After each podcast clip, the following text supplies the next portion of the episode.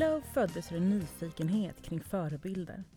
Vilka är kvinnliga förebilder i Sverige när vi går in i 2020? Vilka ser vi upp till, lyssnar till och inspireras utav? Vi har frågat och vi har fått ett svar.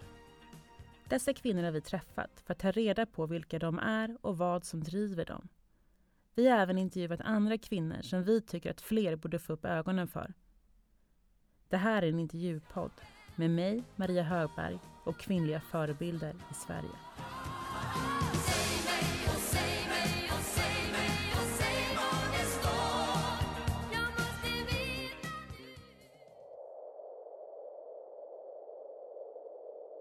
Dimman har sakta börjat lägga sig som ett täcke över Simrishamns kommun.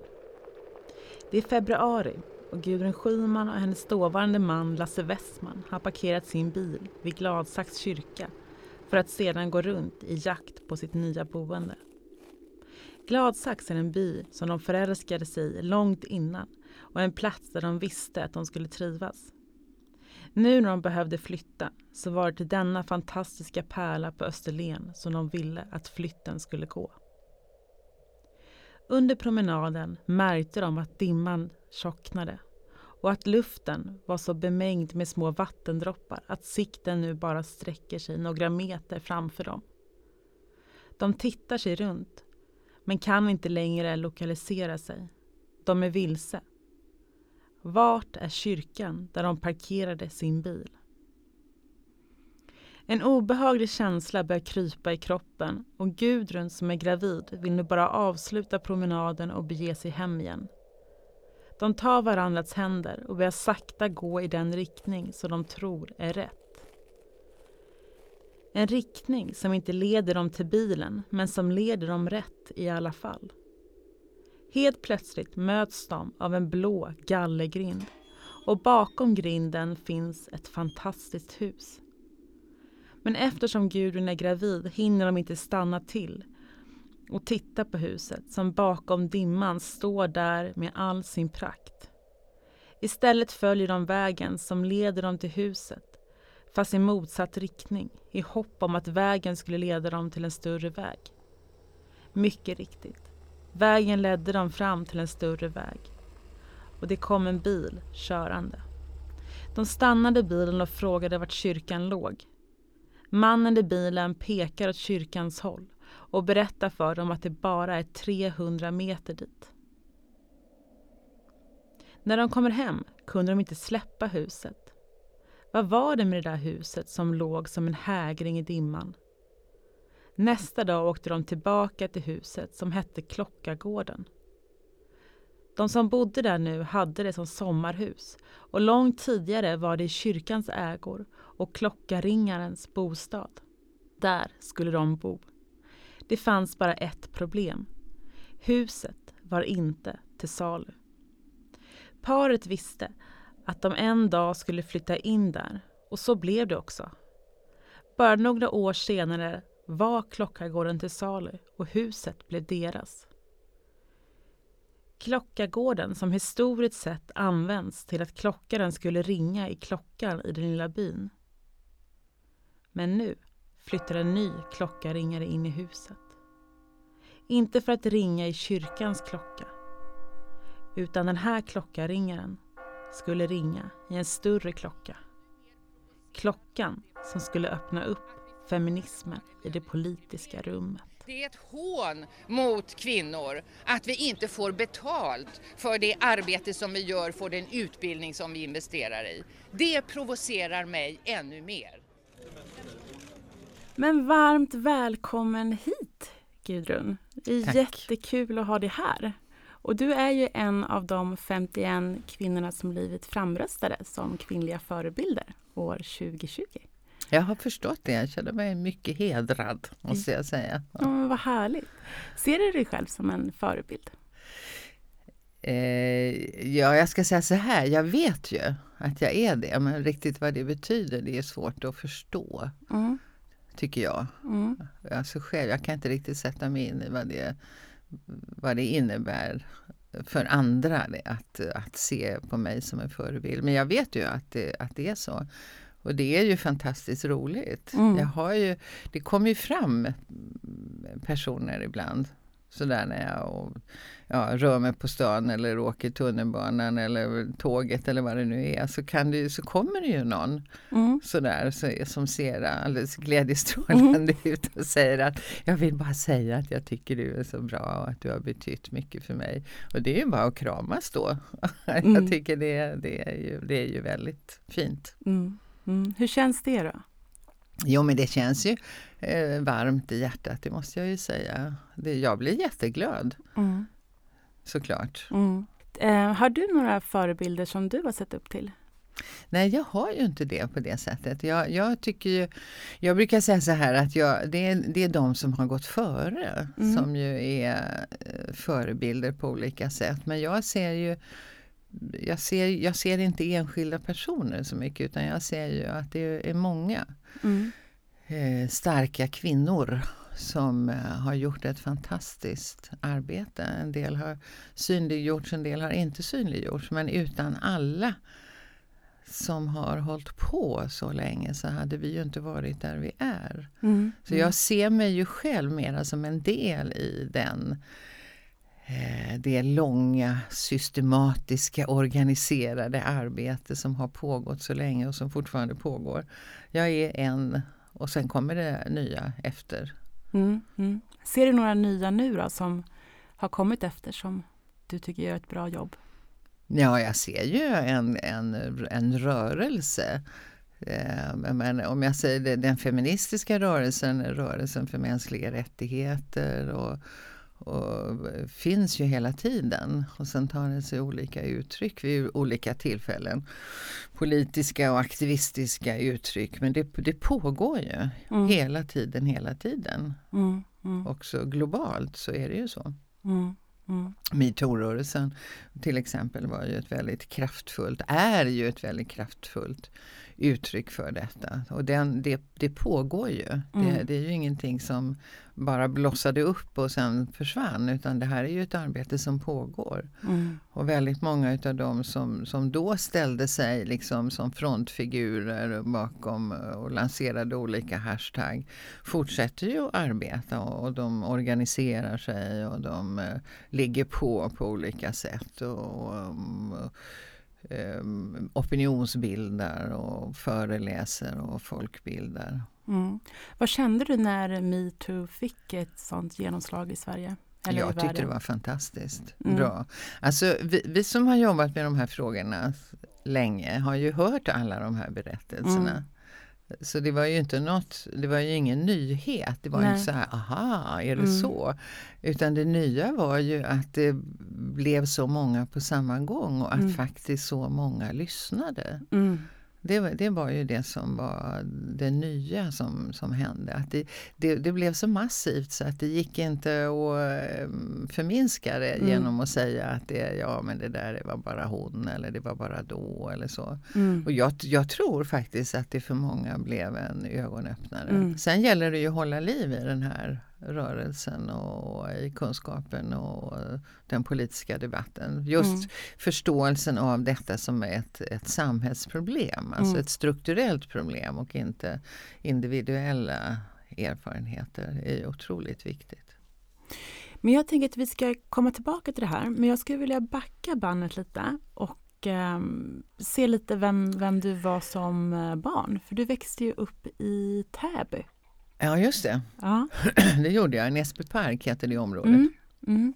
Eh, och det var ju landet då. Det var ju liksom bondgårdar och Mm. eh, glest mellan husen. Mm. Mm. Så det, det var ju verkligen, det var vischan Mm. på den tiden. Alltså nu, jag växte ju upp i, i, i omständigheter så vi hade det ju ganska fattigt då. Det här har jag ju både berättat och skrivit om.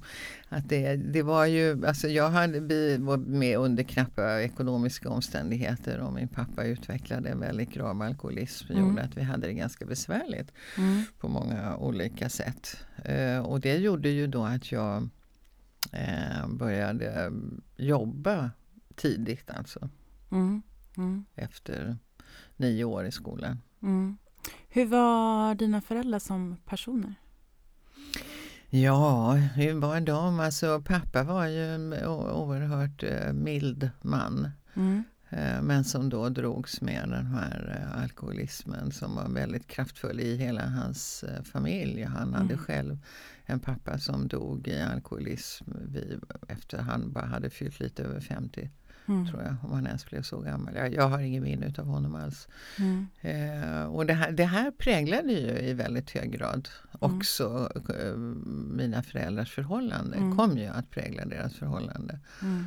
Naturligtvis. Men de, de startade väl med drömmar som man hade på den tiden med med familjen och lilla huset och, och, och, barnen och mamma skulle vara hemmafru och sådär. Men mm. det där ändrade sig ju då ganska snabbt. Det gick ju, det höll ju inte. Så att Mamma blev ju den som, eh, som blev familjeförsörjare mm. och som jobbade. Och på, på in, inom du vet sådana här alltså, typiska kvinnliga eh, jobb. Då. Hon jobbade på ett tvätteri i ganska många år. Och så småningom sen också inom eh, lättare tillverkningsindustri. Och, och sen så de sista jobben hon hade innan hon gick i pension det var att sälja eh, kläder och smink faktiskt. Mm. Ja. Mm.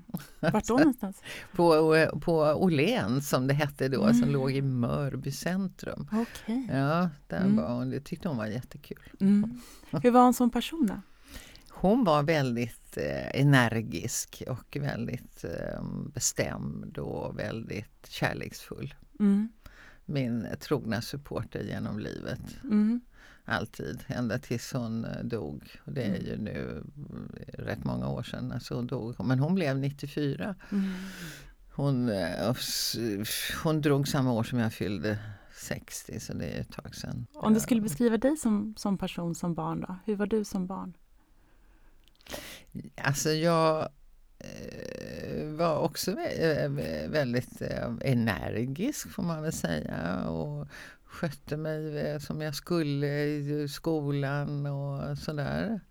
Jag var ju ofta med de som var äldre, alltså mm. de som bodde där kring där jag bodde. Mm.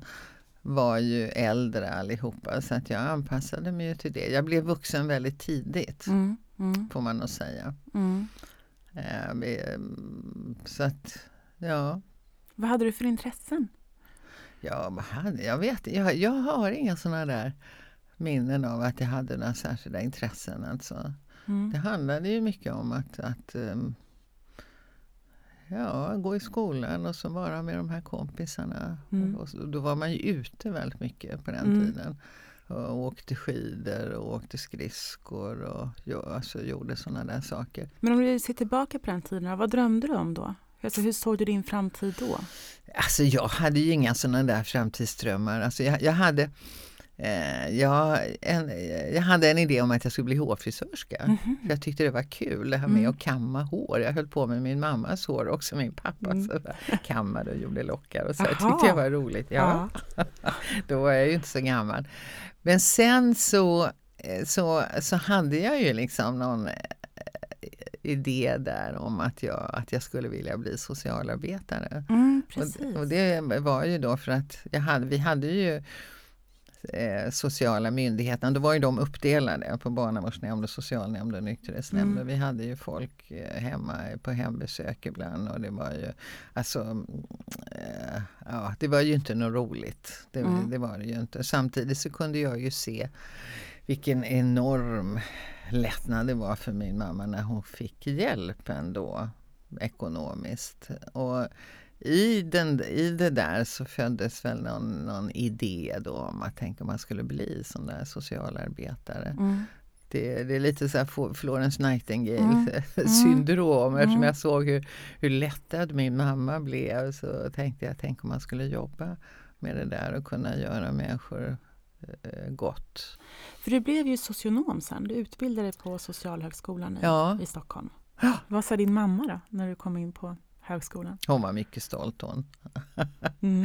Eh, det var hon verkligen. För mig innebar det att gå där och med, ska jag också säga den väldigt livliga samhällsdebatt som var samtidigt. Det var alldeles i slutet på 60-talet, i början på mm. 70-talet. Och då hände det väldigt mycket i samhället och det var eh, många, många saker som ifrågasattes och eh, mycket rörelser som bildades. Och världen kom till Sverige, det var Vietnamrörelsen och det var stora demonstrationer. Och det hände jättemycket. Mm. Eh, och i det där så låg också socialarbetarna i, i, långt fram. Alltså. Det var en radikal skola, en radikal utbildning. Och, och alltså jag kom ju till universitetet med, jag hade enorma bildningskomplex mm. för att jag inte hade tagit studentexamen. För mm. Jag tyckte ju alla som hade tagit studentexamen var ju supersmarta, måste de ju vara tänkte jag. Mm. Så där kom jag liksom och jag kände mig helt malplacerad. Till en början. Men sen hittade jag ju några kompisar då som var precis som jag som hade kommit in i den där köksdörren. Men, men det var ju en helt annan värld. Mm. Och jag kunde ju också märka att de erfarenheterna som jag hade ur mitt eget liv också var relevanta för mm. det som jag läste mm. och det som jag förstod att jag så skulle börja jobba med. Mm. Så att jag, jag brukar beskriva det som att jag gick ifrån att jag gjorde en bildningsresa helt enkelt. Alltså när jag gick ifrån att se på mig själv som mera offer och utsatt till att bli aktör för förändring. Mm. Och det gällde ju både i mitt eget liv, eh, jag bröt upp en relation och sådär. Men, eh, och också, men att jag också började se mig själv som en Eh, medborgare. Mm. Som en, eh, som jag, här, jag är en del i samhället och jag kan också vara med och påverka samhället. Mm. Och det, den, den där upptäckten har betytt oerhört mycket mm. för mig. Mm. Eh, och det gjorde ju sen också att jag började orientera mig utåt och började liksom delta i samhällsengagemang på olika sätt. Vilka frågor var det då, då som var intressanta för dig? Alltså de här eh, klassfrågorna har ju alltid eh, varit viktiga för mig. Det här, det, det, det här sociala patoset som man brukar kalla det för eh, är ju liksom grundmurat i mig. Men sen var det en fråga eh, som eh, faktiskt handlade om, om kultur mera. Eller, eh, alltså det, jag, jag höll på och gjorde en trebetygsuppsats som handlade om vad, vad, vad, vi säger under det vi säger eller det mm. vi, vad vi säger när vi inte säger. Alltså okay. här, ja, eh, jag ingick i, vi ingick i något större forskningsprojekt där, men, men gjorde intervju, alltså satt och pratade med folk och sen så det var jag och en kamrat som gjorde den här uppsatsen och sen så gick vi tillbaka och lyssnade på det som hade sagts under. Liksom. Mm, mellan raderna. Så, ja, ja, mellan raderna mm. i, i tystnaderna. Och så gick vi tillbaka till gruppen och sa att det här var faktiskt det vi hörde. Mm. Och det blev ju ett jävla liv. För att vi, det, var ju så många, det var ju så många ömma tår då och så, och så mycket saker som kom upp som mm. var sanna. Vi hade hört rätt på, när vi lyssnade på det som inte hördes. Oh. Alltså det satte igång väldiga processer i den här gruppen. Det var mm. otroligt spännande. Eh, och, och, det, och det handlade ju om att eh, alltså det, att få ihop det man har inne, det man tänker och så med det man också visar utåt. Mm. Att tala med sin egen röst mm. handlade det om. Mm. Eh, och samtidigt så kom det ett eh, ett, eh, en idé i, ute i samhället om att starta en tidning som heter Folket i Bild Kulturfront. En tidning som skulle tala med sin egen röst som skulle vara oberoende av mm. annonser och liknande som skulle bygga på någon folkrörelseidé. Och så pratade jag med min kurskompis där och sa men det här är ju samma sak som det vi håller på med fast det är på den, på den andra nivån, det är mm. på den mera samhälleliga nivån. Det är ju spännande, så jag, vi går dit. Mm. Och så gjorde vi det och så, och så är det ju som det är då när man eh, liksom frågar om något eller sådär så får man ju allt. Ja men det där kanske skulle du kunna göra. Liksom. Mm. Det, det, skulle, det skulle starta en folkrörelse mm. som skulle bära det här tidningsprojektet. Mm. Den finns ju fortfarande. Ah.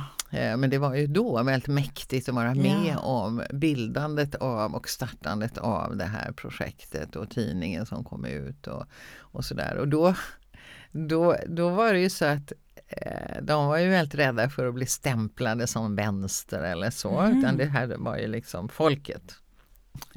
och eh, då så, eh, när jag då framgångsrikt blev då ordförande i den här lokala organisationen Eh, som man ju blir när man tar initiativ. Så, ja, vi måste bilda en grupp, vi måste ha en liten styrelse, vi ska ha en ordförande. Ja det kan ju du bli. Du, som, mm. du vet så. så då, ja, vi, ja, vi hade väl ingen aning om vad man gjorde sånt där men man lär sig under resans ja. gång. Och så skulle den här styrelsen för den nationella styrelsen, de skulle ju också ha folk som inte bara var välkända och, och liksom definierade. Och, så då, och då var ju jag en, en pigg gräsrot där så mm. att jag blev invald i det nationella. Styrelsen där med mm. du vet, författare och sådär som man hade liksom läst om i tidningen och sådär. Det var ju otroligt spännande. Hur var det att hamna i det, i det sammanhanget? Då? Ja det var, ju, det var ju jättespännande tyckte ja. jag. Alltså jag lärde mig otroligt mycket om eh, hur det fungerar när man bygger folkrörelser men också eh, hur, hur, maktspel och sådana där saker förstås mm. som ju alltid pågår.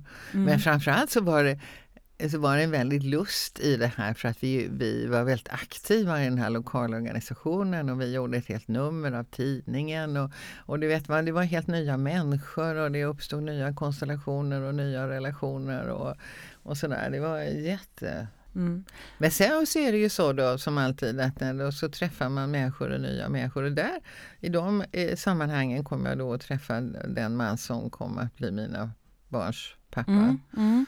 Eh, och, och, han var i sin tur då organiserad politiskt. Det här mm. var ju en eh, partipolitiskt obunden organisation, Folket i bildkulturfront och är fortfarande. Men han var ju då eh, engagerad i vänsterrörelsen. Mm. Eh, så att han, han gick dit där jag var och jag gick dit där han var kan man mm. säga. Så vi, mm. ja.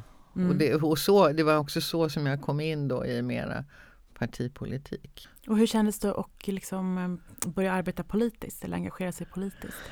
Då, då var det så att vi var flera stycken som av olika skäl hade flyttat in mm. i Simrishamns kommun och, och, som vi hittade varandra på något sätt. Eh, mm. Och, så, och så bestämde vi oss för att vi skulle um, Eh, väcka liv i VPK där. Och hur gjorde ni det då? Ja då gick vi på möten och så tog mm. vi över ifrån tog de här över. farbröderna. Ja, och vad kände de då? då? Helt, nej, men jag tror de var ganska lättade faktiskt. Ja. De, hade, de, alltså de spelade inte någon kommunalpolitisk roll Nej. Utan de, det, de träffades det, mer. Vad sa du? De träffades ja, mer. de träffades mm. mer och så en utav dem satt i fullmäktige och gjorde väl i princip ingenting där. Mm. Så att det, det, det kommer jag inte ihåg som smärtsamt på något sätt. Nej. Utan då var vi ju ett gäng som, som eh, började jobba aktivt och mm. aktivistiskt framförallt. Mm. Men sen var det ju också, det, sen kom ju också den här kärnkraftsfrågan. Mm. Eh, och där var ju VPK, som det fortfarande hette då, var, var, inte tydlig. Man hade inte bestämt sig ännu i den frågan. Och jag var mycket bestämd i den mm. frågan mm. och tyckte att vi skulle jobba med den och det, vi, ja, det var lite sådär i, i partiet då. Eh, och då så sa jag, då går vi ut och, och samlar folk Mm. Så jag gick på stan med mm. flygblad och mm. bjöd in till ett möte mm. eh, för att diskutera kärnkraften. Alltså. Och det kom jättemycket folk. Eh, och, eh, och när du höll det mötet, då, för då var det liksom första stora mötet där nere. Ja. ja. Hur liksom förberedde du dig inför det? Ja, jag vet inte, jag hade väl inte förberett mig så jättemycket men jag visste ju, alltså jag visste ju så här då att ja, då, då, om, om vi skulle bilda, för då hade ju Folkkampanjen mot kärnkraft hade väl bildats då centralt tror jag. Och då var det frågan, skulle kunna bilda någon lokalgrupp och det var ju mitt förslag att vi skulle bilda en lokalgrupp. Mm. Eh, och, eh, och då fanns det ju också centerpartister där och de var ju ett ganska stort parti där nere. Och, och det var ju ett parti som hade tagit ställning. Så småningom mm. gjorde ju Vänsterpartiet det också men det var inte riktigt klart då. Nej. Eh, men, men det, det intressanta är liksom att när jag inte kunde härbärgera den här frågan mm. i Vänsterpartiet och då gick jag ut ja. för att starta, för att dra igång. Och då kom det ju många fler människor mm. av olika slag och det jag visste var att det, det mötet skulle då mynna ut i antingen att det inte blev något eller att vi bildade en lokalförening. Mm. Eh, en, en avdelning. Liksom. Mm. Um, så jag, jag, och då hade, jag hade ju lärt mig genom åren i, i Folket i bilden bland annat att då så ska man ha en styrelse och ska det vara lite stadgar och så ska det vara en ordförande, en kassör. Och så, mm. så det hade jag ju förberett. Ah. Att vi skulle välja. Eh, på det mötet. Ja. Och då var det ju någon centerpartistisk farbror där som var van att, bete- beklä alla de där posterna som trodde själv, självklart att han bara nominerade sig själv. Ja. Liksom. Ja, jag kan bli ordförande och då var jag på hugget. Och sa, ja, det, det, det ska vi nog diskutera. Det kan finnas flera namn. Så, Ja. så det blev en omröstning där Ja. och då blev jag vald till ordförande.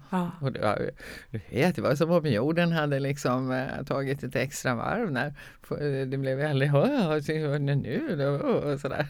Men, hur, men så, det låter Ja, så otroligt orädd i det här. Det är ju inte sådär att jag tänker att jaha, men då ska jag göra sådär så då kan jag få den där positionen. Där. Så, så tänker inte jag. Nej. Utan Men jag, jag tänker i allt du har, liksom hela den här vägen som du berättar nu, Ja, så, är, så låter det ju väldigt, väldigt tydligt. Alltså Mm. att du vet vad du ska göra. Alltså du samlar in kunskap som du använder Ja. och så driver Ja. frågor som du vill utifrån din linje. Och så får efteråt liksom, så låter det ju jätte Ja. eh, så men det har ju aldrig varit Nej. så. Utan det har liksom eh, eh, det har blivit så. Ja. Men jag kan ju också se om jag tittar bakåt att jag gör tydligen sådär. Och så ser jag så, jaha, så, så, så gör jag så. Och så är jag bra på att få det att bli så som jag vill ha det. mm, Men jag har ingen sån plan nej, från början. nej, Men det visar sig ju då att den här lokalgruppen, folk, eh, Folkkampanjen mot kärnkraft, det blev ju en jätte... mm, Och det, vi hade ett jättebra samarbete med den här center, centerfolket som kände sig överkörda först och så. Och det var med studieförbundet. Vi blev oerhört aktiva och det blev en stor, väldigt bra grupp. Och många människor som kom med som inte alls hade varit eh, samhällspolitiskt aktiva tidigare. mm. Så vi, det, det blev väldigt, väldigt bra.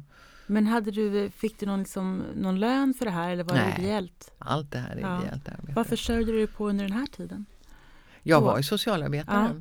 Jag jobbade ju då som socialarbetare i Ystad. Ja, Eh, och så gjorde du det här på fritiden? Heltid alltså. Och så Ja. hade jag ju två små barn vid det laget. Ja, Så att det var ju det var full, full fart. ja. För det är också Absolut. någonting som jag tänker, den här förlossningsvideon. Ja, Ja, hur kom den till? jo den kom till så att vi, eh, vi eh, ville ju ha barn och, så, och jag, jag blev gravid. Och Lasse som är då pappan, han är dokumentärfilmare. Mm. en oerhört skicklig dokumentärfilmare. Och vi hade jobbat ihop eh, tidigare gjort filmer. Jag lärde mig till ljudtekniker. Mhm. Eh, så att vi var ett litet team alltså som hade jobbat i, på den afrikanska kontinenten framförallt och gjort filmer där. Men hade också, vi gjorde också filmer i Skåne med det här med kärnkraften, Barsebäck och bristen på beredskap inför en kärnkraftsolycka. Vi höll på sådär. Och, och då eh, så skulle vi, hade vi gjort, jo så, det, så eh, det, det funkar ju så att man lägger in programförslag liksom på, på tv, TV2 var det då. Och då ville vi göra om barnets första år Mm. när vi visste att jag var gravid. Mm. Och sen så blev det där ju så otroligt bra. Alltså jag, jag fungerade också väldigt bra i, Mm. i det där. Eh, och då, då hade vi så mycket material så vi gjorde ju en entimmes film för vuxna, alltså för blivande föräldrar. Mm. Vi gjorde ju också de här barnprogrammen som vi skulle göra. Så. Mm. Där, där finns ju förlossningen med som ett utav flera. Sen är det liksom barnets motorik och mat och lite språkutveckling och så här. Men det, den där, ur det där materialet så, så tog vi också fram då en undervisningsfilm Mm. Som ju användes jättemycket Ja, då för att förändra förlossningsvården från att flytta fokus från liksom medicinska saker till, till själva förlossningen och till föräldrarna och Mm. till liksom kroppen och förberedelserna och så. Och hur togs den emot då? Väldigt, väldigt väl. Ja, Väldigt väl och ett Ja. tag så, så eh, körde ju varenda landsting den här filmen.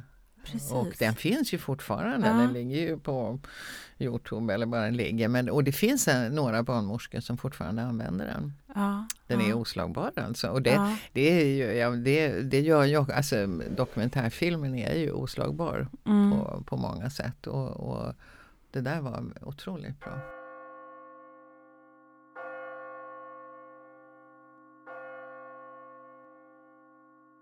Klockagården var lika fantastisk som Gudrun trott. Men hennes förhållande med Lasse Westman blev dessvärre inte det. Det blev en relation som Gudrun efter mycket tänkande bestämde sig för 1987 att lämna.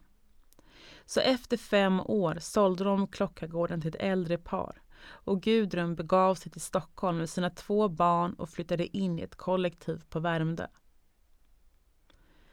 När en dörr stängs så öppnas en annan och nu började Gudrun Schymans karriär inom politiken ta fart på riktigt. I samma veva så blev jag tillfrågad om jag ville stå på listan till riksdagen. Mm. Eh, och så, så, de ringde från någon sån här nomineringskonferens på hösten 87. När det, Mm. och då, då visste jag att jag var på väg till Stockholm och de visste det. Då frågade de om jag ville stå på listan. Så jag sa det kan jag absolut göra. Eh, och sen så ringde de och sa att nu står du på valbar plats. Oj då, sa jag. Men det, ja, Eh, vad bra tänkte jag. Mm. Du vet, och då, att äntligen få hålla på med en, bara en sak, inte, inte både politiken och jobbet. Mm. Eh, Hur mådde du då? då? För jag tänkte skilsmässa var ju ganska traumatiskt. Ja, Ja. den var ju jobbig. Jag tyckte den var väldigt jobbig. Och det är det ju när man har barn ihop. Alltså, Mm. Så är det ju så. Mm. Och vi hade ju levt ganska länge ihop Mm. eh, i alla fall. Och som sagt var, vi hade barn och så. Men det var ju Mm. en relation som, som, ehm, var, som var ju fantastiskt bra när det, när det var konfliktfritt så att säga. Eftersom då, periodvis så jobbade jag ju, så jobbade ju vi ihop Mm. när vi gjorde film och sådär. Då hade jag ju liksom ledigt från mitt socialarbete. Så vi både jobbade ihop och levde ihop och, och det, då blev det ju väldigt tätt. Mm. Eh, Men sen så, när det, så kom det ju in konflikter och som handlade ju mycket om det här att, att kunna vara självständig och kunna, att vi kunde göra olika saker. Och, och jag hade behov av att också kunna göra det jag ville och så. Och, ja, och så kom det in våld i den Mm. relationen på ett sätt som gjorde att det blev helt ohållbart. Mm. Eh, och då Hur tar Då- man sig ur det då? Jag, alltså jag tog mig ju ur det genom att helt enkelt bryta upp. Mm. Genom att flytta. Var det ett svårt enkelt. beslut? Ja, det, det var det. Men jag, jag, såg ju, jag såg hur jag liksom till slut så liksom sa till mig själv att ja, men vi har ju barnen ihop och vi ska ju hålla ihop för barnens skull. Och då kände jag igen mig i min mamma Mm. som ju då skulle ha skilt sig för länge sedan. Alltså, eftersom det äktenskapet var så dåligt och, och pappa hade nog ehm, kanske kommit under, in, vad vet jag, i sammanhang där han hade fått bättre eh, vård. Jag vet inte vad som hade hänt med honom men, men mammas inställning var ju att vi håller ihop för barnens skull. Eh, Samtidigt som både jag och min bror vet jag någon gång sa till henne att skilj dig. Men, men också det, så det, det, det är ju en komplicerad historia. De, de hade ju också haft en otroligt fin och stor kärlek tillsammans och så. Men när jag, när jag liksom kom på mig själv med att resonera som mamma hade gjort, jag håller ihop för barnens skull. Så tänkte jag att, att jag, nu, nu upprepar jag samma mönster och det, det går bara inte. Mm. Och det, det var en sån där liksom, eh, tanke som jag då tänkte att, att det, så kan jag bara inte göra. Alltså då måste jag bryta upp. Alltså. Så jag bestämde mig för det. Mm. Eh, och det var jättejobbigt eh, eh, att göra det eftersom eh, Lasse inte alls hade tänkt sig det. Mhm. Han ville inte Han det. tyckte att ni hade en bra relation? Eller? Nej, det tyckte han inte. Nej. Men han ville inte att vi skulle separera. Nej. Och då, då, då är det ju som du vet, då blir ju barnen också sådär tillhyggen liksom i, vid sådana konflikter. Att han kunde säga att jag och barnen vill inte att vi ska skiljas. Mm. Så får man ju jättemycket dåligt samvete och så. Så det, det, var, det var en väldigt jobbig procedur. Och det tog ju flera år alltså Mm. innan jag kunde se på mig själv som någon som hade gjort någonting bra där. Mm. Jag hade mycket dåligt samvete för, för det. Mm. Eller kände, inte jämt, men ibland så där var det verkligen rätt och var det verkligen um, klokt och så. Mm. Och det tycker jag ju att det var. Det var både rätt och klokt och nödvändigt Mm. faktiskt. Mm. Och då flyttar ni upp till Värmdö och då sätter din politiska karriär Ja, då riktigt. sätter den ju igång på, på den nationella nivån. Ja. För att jag hade ju då jag, jag, fick ju då frågan om jag kunde stå på, på listan till riksdagen och då på valbar plats. Eh, och då stod jag på länets lista eftersom mm. jag var skriven då på Värmdö.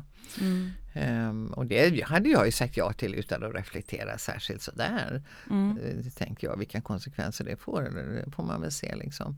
Men, um, Men var det också ett det. andrum liksom från privatlivet? Att eh, fokusera på, på jobbet där? Eller? Nej, så Nej. kände jag det inte utan det var mer att jag var väldigt glad över att jag, jag tänkte så här att jag, då, då behöver jag bara göra det.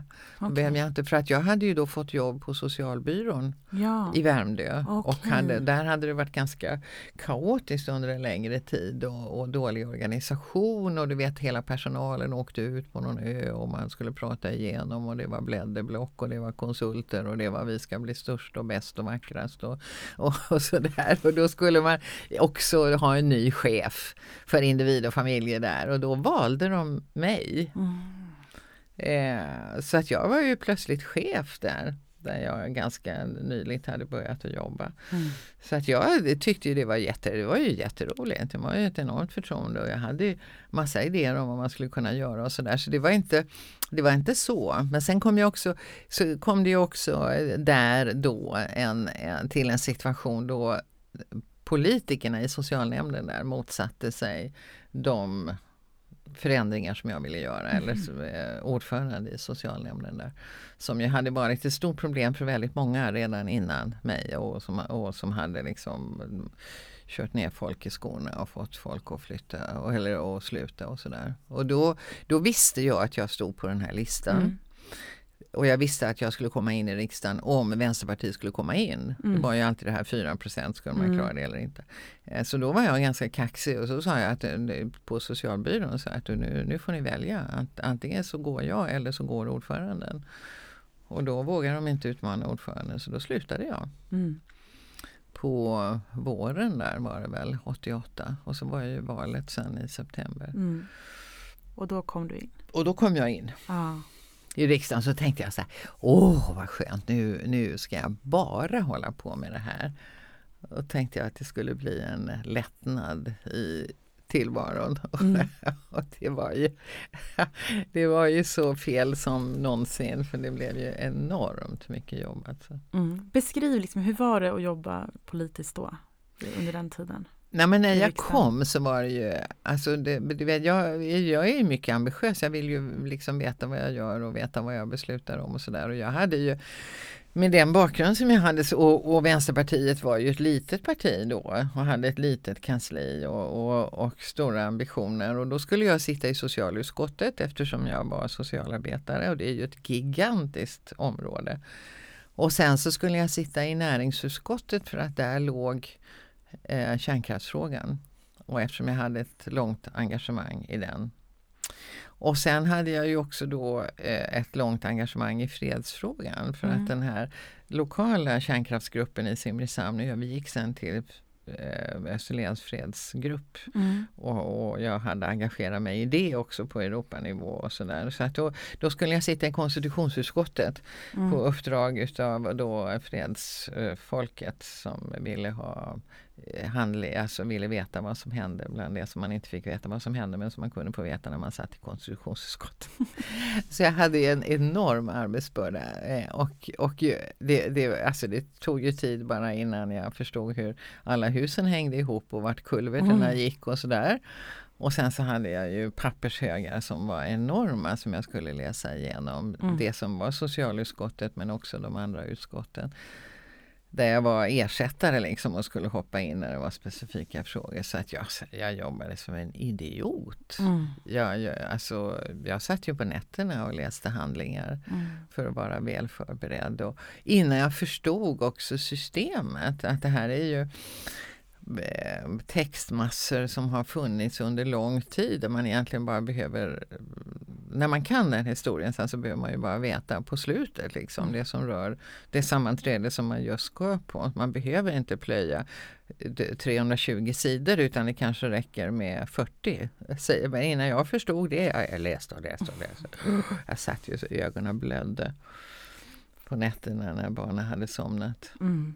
Och sen hade jag, sen hade jag, alltså jag, jag kom ju dit med samma med samma eh, komplex kan man säga som jag hade känt när jag började på Socialhögskolan inför den här universitetsvärlden. Mm, mm. Så kände jag liksom att ja, jag kommer att bli avslöjad.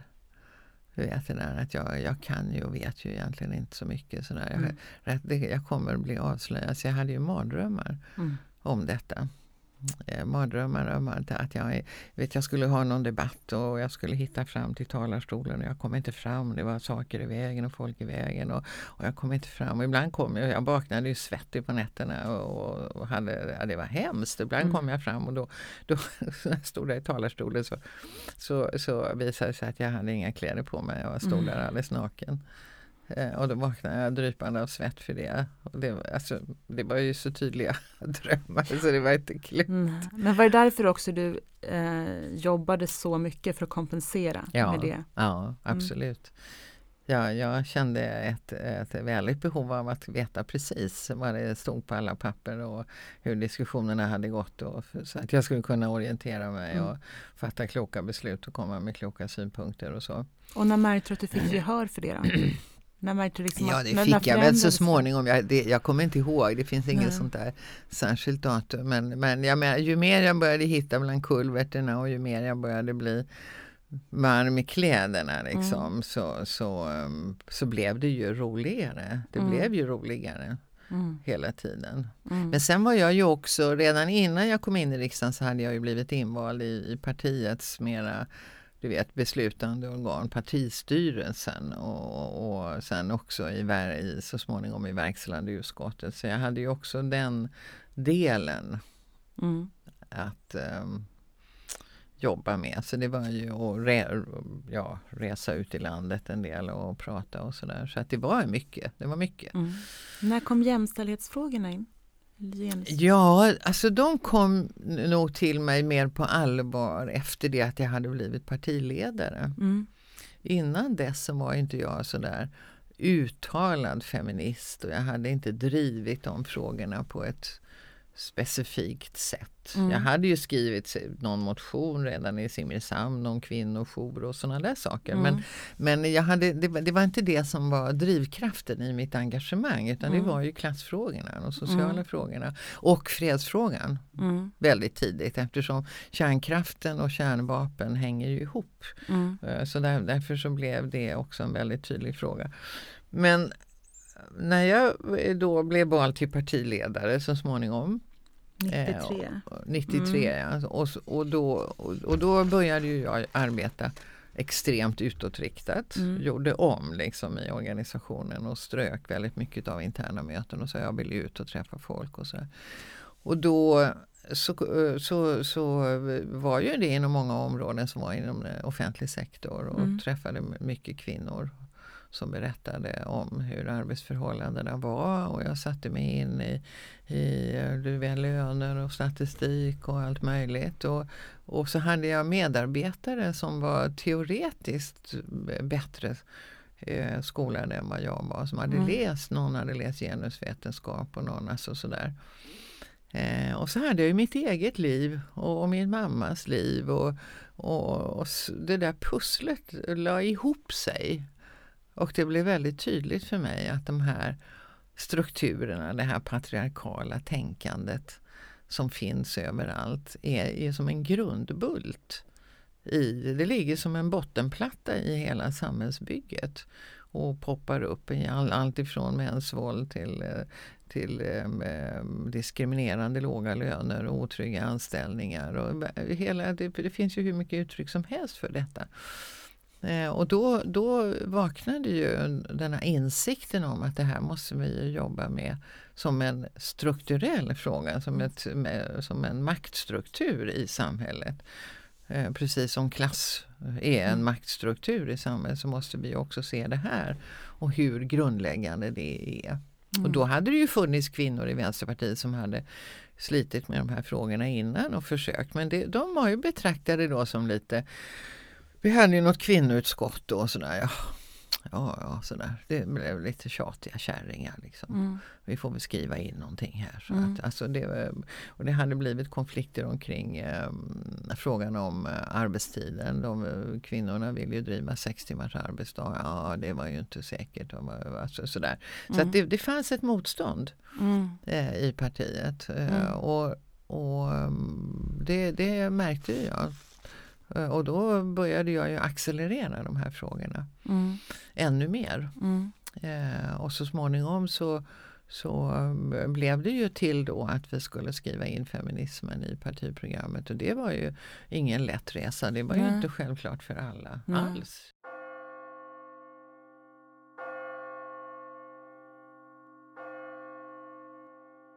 Efter att hon bott i Stockholm i tio år gjorde sig Klockargården återigen sig påmind. Hon ville tillbaka till sitt hus. Och Gudrun ringde upp paret som hon sålde huset till och frågade Har ni bott klart där nu? Paret som precis bestämt sig för att sälja huset blev mycket chockade över samtalet och snart var klockaringaren tillbaka i sitt hus i Gladsax. En ny tid väntade. Klockan hon tidigare ringt i som partiledare för Vänsterpartiet var inte längre hennes klocka, utan hon ville bygga sin egen klocka. Och denna klocka fick namnet Feministiskt initiativ. Jag satt ju kvar i riksdagen. Ja. Jag lämnade ju Just läm- Vänsterpartiet. Mm. Men sa att jag sitter kvar i riksdagen för att jag uppfattar att jag har ett väldigt starkt stöd. Mm. Jag hade jättemycket personkryss. Jag har ett väldigt starkt stöd för att fortsätta att driva de här feministiska Mm. frågorna. Och Vänsterpartiet var jättearga. Mm. Och så där får man inte göra. Du vet, så, så, Mm. så det, får, det får man faktiskt och det Mm. gör jag. Och då använde jag ju den platsen som då jag hade fram till valet 2006, det här var väl 2004, till att samla feminister i olika samtal och diskutera hur, vad ska vi göra, hur ska vi göra för att få upp de här frågorna på dagordningen.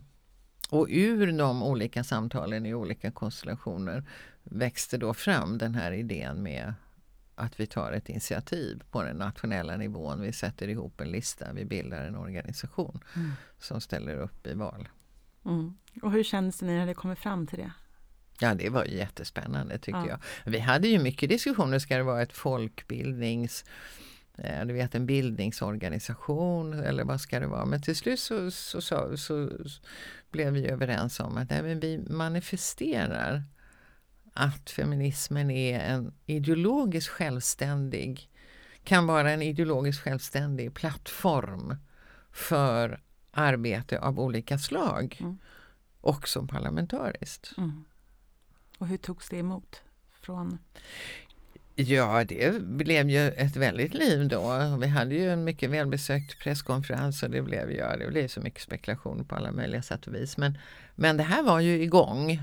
Eh, och sen så hade vi ju, vi offentliggjorde den här 2005 på våren tror jag, eller försommaren och så sa vi att vi kommer att ställa upp i valet 2006. Och sen var det ju att bygga organisation då. Mm. Du vet, ha ett eh, kongress, alla fick komma och konstituera sig och det är stadgar och det är styrelser och det är och politiskt program och ja, gud vad mycket jobb det var. Men det gick ju. Mm. Mm. Eh, och, och sen så gav vi oss ut i valrörelse och fick väl 0,9 procent tror jag. Vad hade ni hoppats på? I första vi hade ju hoppats på att komma in. Men, Mm. men jag menar, det var ju högstflygande eh, drömmar naturligtvis. Men vi fick 0,9 procent tror jag i första valet eller om det var 0,7. Mm. Och så hade vi en valvaka och så utropade jag oss till vinnare.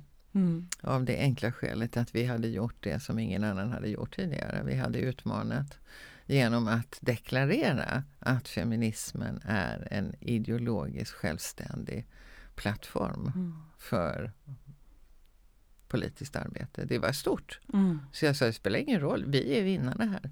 Mm. Mm. Kändes det? Det kändes från hjärtat också? Vad sa du? Kändes det från hjärtat också? Ja, absolut. Mm. absolut. Jag tycker det är, det är fortfarande det absolut bästa jag har gjort Mm. i, i mitt politiska liv så här långt. Mm. Det är ju inte slut ännu. Nej. Nej. Nej. Och vad är Feministiskt initiativ idag?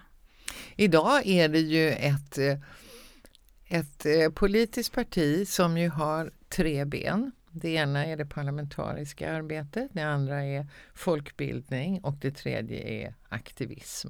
Mm.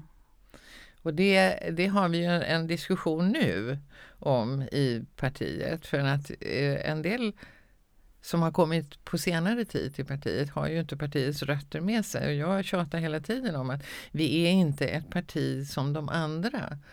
Vi har aldrig startats för att vårt mål är inte att bygga ett parti. Vårt mål är förändring. Mm. Och sen har vi verktyg till vårt förfogande och de verktygen är då folkbildning, aktivism och parlamentariskt arbete. Mm. Men det är inte det, målet är inte partiet mm. utan målet är förändringen. Mm. mm. Och det ger oss en frihet att agera på många olika arenor. Mm. Och, och, ett där vi finns är ju då den kommunalpolitiska. Där finns vi i elva kommuner tror jag det är nu. Och där vi finns så, så är vi ju väldigt framgångsrika. Mm.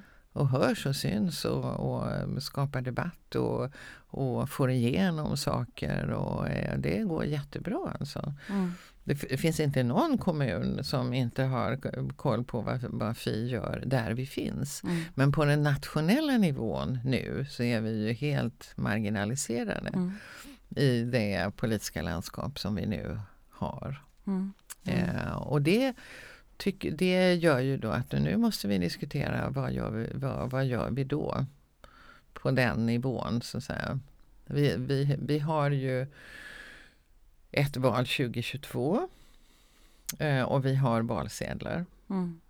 För att det, det, har vi ju liksom tjänat, förtjänat oss genom att vi har fått eh, gjort de val, vi har, de valresultat som vi har fått. För mm. vi fick ju mer sen och i valet 2014 fick vi ju eh, över 3 Vi mm. kom ju in i EU-parlamentet och vi fick ju över 3 och då var ju de andra partierna livrädda.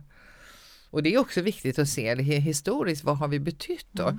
För att när vi kom 2006 när vi ställde upp till det valet och hade valrörelse 2005 där så blev ju de andra partierna jätterädda och framförallt Socialdemokraterna. Mm. De blev ju skiträdda. Mm.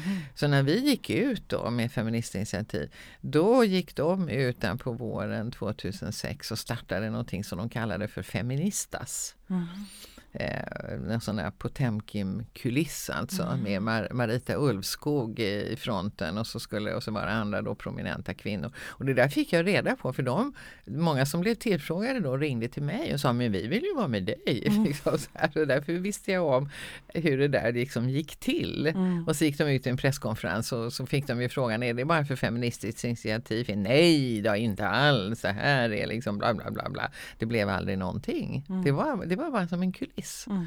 För att liksom hejda de socialdemokratiska kvinnor då som tyckte att Feministinitiativ var bra. Eh, de drev fram en eh, jämställdhetsförklaring våren 2006 i riksdagen med övergripande jämställdhetsmål som alla partier ställde sig bakom. Och det övergripande är att vi ska ha lika mycket makt att forma samhället och våra egna liv oavsett om vi är kvinnor eller män. Och så finns det undermål som handlar om representation, det handlar om ekonomisk självständighet, att vi ska dela lika på föräldraansvaret, att vi ska utplåna mäns våld mot kvinnor. Det där klubbades igenom i rask takt mm. under våren 2006 inför valet mm. 2006 för att de var livrädda mm. när vi kom. Så att vi har ju påverkat i väldigt hög grad hela diskussionen om jämställdhet och, och, alltså den, det, och in, i, inför valet 2014 när det gick så bra för oss då, det var ju som en feministisk våg kan man säga.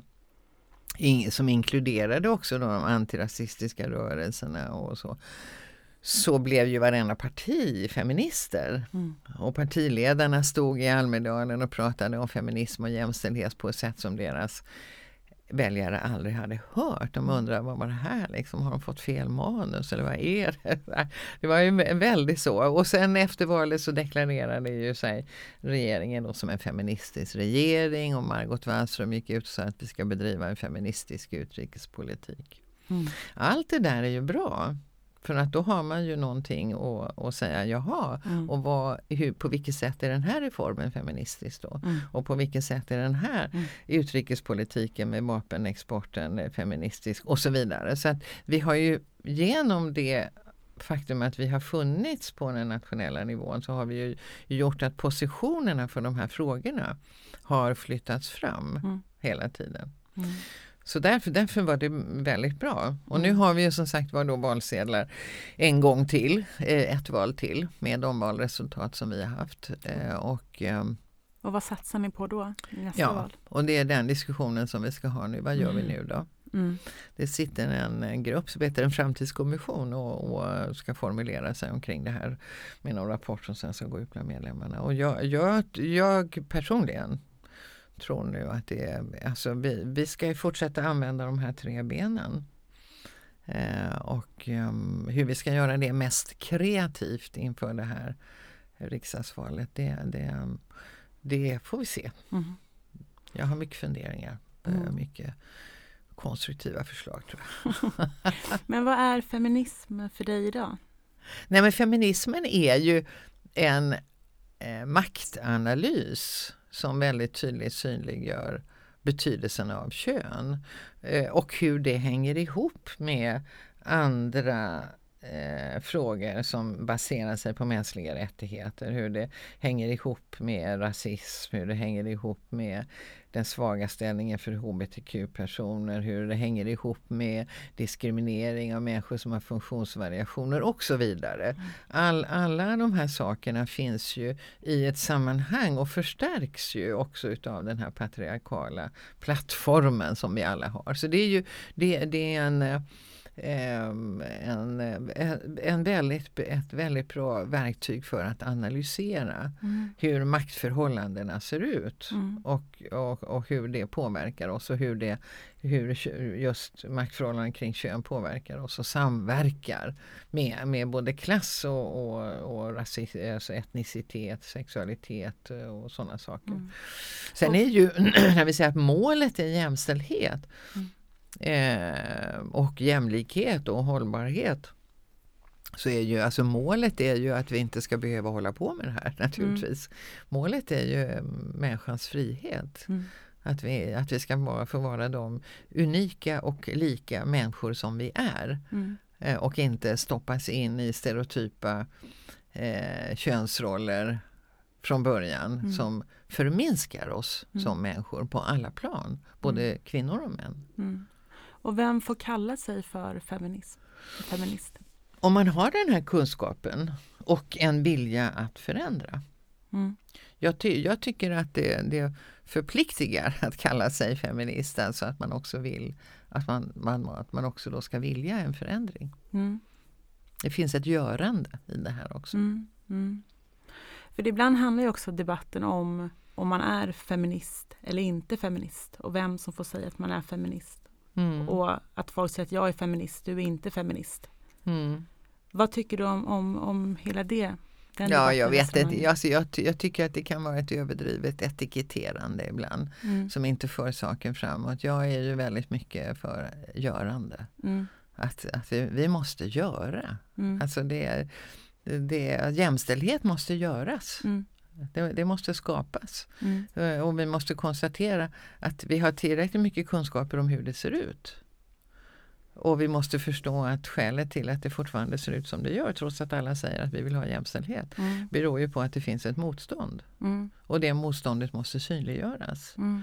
Problemet måste sy- synliggöras. Och det är Mm. det som är, ofta är problemet när man pratar jämställdhet. För att om man tar de där övergripande målen och frågar vill, vill du att det ska vara så här? Ja, säger ju alla. Alla vill ha jämställdhet och då måste man ju fråga sig varför har vi inte det då? Mm. Mm. Nej, för att om man skrapar liksom på ytan och, och, och synliggör maktfrågan, det vill säga synliggör att gruppen män har mer makt och inflytande på kvinnors bekostnad. Då vill inte alla vara med längre. Mm. När Mm. man ska förändra den Mm. maktordningen. Mm. Men jag träffar många som kan känna sig eh, lite vilse och lite rädda i, i det här arbetet för att man är rädd för att göra fel, man är rädd för att säga fel. Ja. Eh, fast man, man, driv, man drivs av frågorna. Men rädslan för att göra fel eller säga fel i ett sammanhang kan Ja. göra att det hämmas. Ja. Upplever du också det så? Nej, Nej. nej, det gör jag inte. Eh, och framförallt så tänker jag så tänker jag så här, skit i det, gör! Mm. Alltså Mm. det, det, det är ju görandet som spelar roll. Mm. Och vad kan alla göra då? Alla kan ju göra någonting, vi sitter ju alla i det här patriarkala träsket. Mm. Det finns ju inga befriade områden. Mm. Så det är ju snarare att välja vilken nivå vill jag jobba på. Mm. Eh, Jag menar man, kan- man kan ju alltifrån att och lägga den här bilden på, på köksbordet och fråga sig på vilka uttryck tar det så här då? Mm. Hemma hos mig och vill vi ha Mm. det så här? Mm. kan man ju föra en väldigt bra intellektuellt hederlig eh, diskussion istället för att mm, man går och, och, och ruvar på saker. Mm. Eh, men men alltså, om, om vi vill förändra i samhället så måste vi ju för, göra det där. Mm. Alltifrån den egna arbetsplatsen till att jobba med, med de här frågorna i facket eller att jobba politiskt eller att jobba i några ideella organisationer. Det finns ju hur många som helst. Mm. Så att jag, jag, jag tycker då man ska fråga sig liksom, ja, men vad är det för fråga som jag är särskilt upprörd över. Alltså. Jag, jag tycker att kunskapen om hur det ser ut och hur det hänger ihop eh, gör ju ändå att då är, då är ju du eller då är jag som person liksom på det individuella planet ändå medveten och kan komma med motstrategier. Mm. Om du Mm. blir förminskad eller osynliggjord, ta plats. Mm. Men tiden har rullat iväg i en väldig fart. Vad är klockan? Nu är hon 10.52, så vi har suttit två timmar. Men herregud, jag ska ju vara på nästa möte klockan 11. Ja, då är det dags att sluta nu. Men tack så jättemycket för Tack. att du tog dig tid att komma hit Tack. och lycka till framöver. I vilken klocka som Gudrun kommer ringa i framöver kan vi bara vänta och se. Men om man är en klockringare så måste man ringa i en klocka. Och en klockringare hittar alltid en klocka som det behöver ringas i. Det här var allt från intervjun med Gudrun Schyman. Vi på Glow arbetar nu för fullt med vårt event den 27 maj på Oscarsteatern. Har inte ni köpt er biljett än eller missat informationen om den här fantastiska kvällen så hittar ni allt ni behöver veta på www.glow.se. Jag önskar er en fantastisk dag så hörs vi snart igen.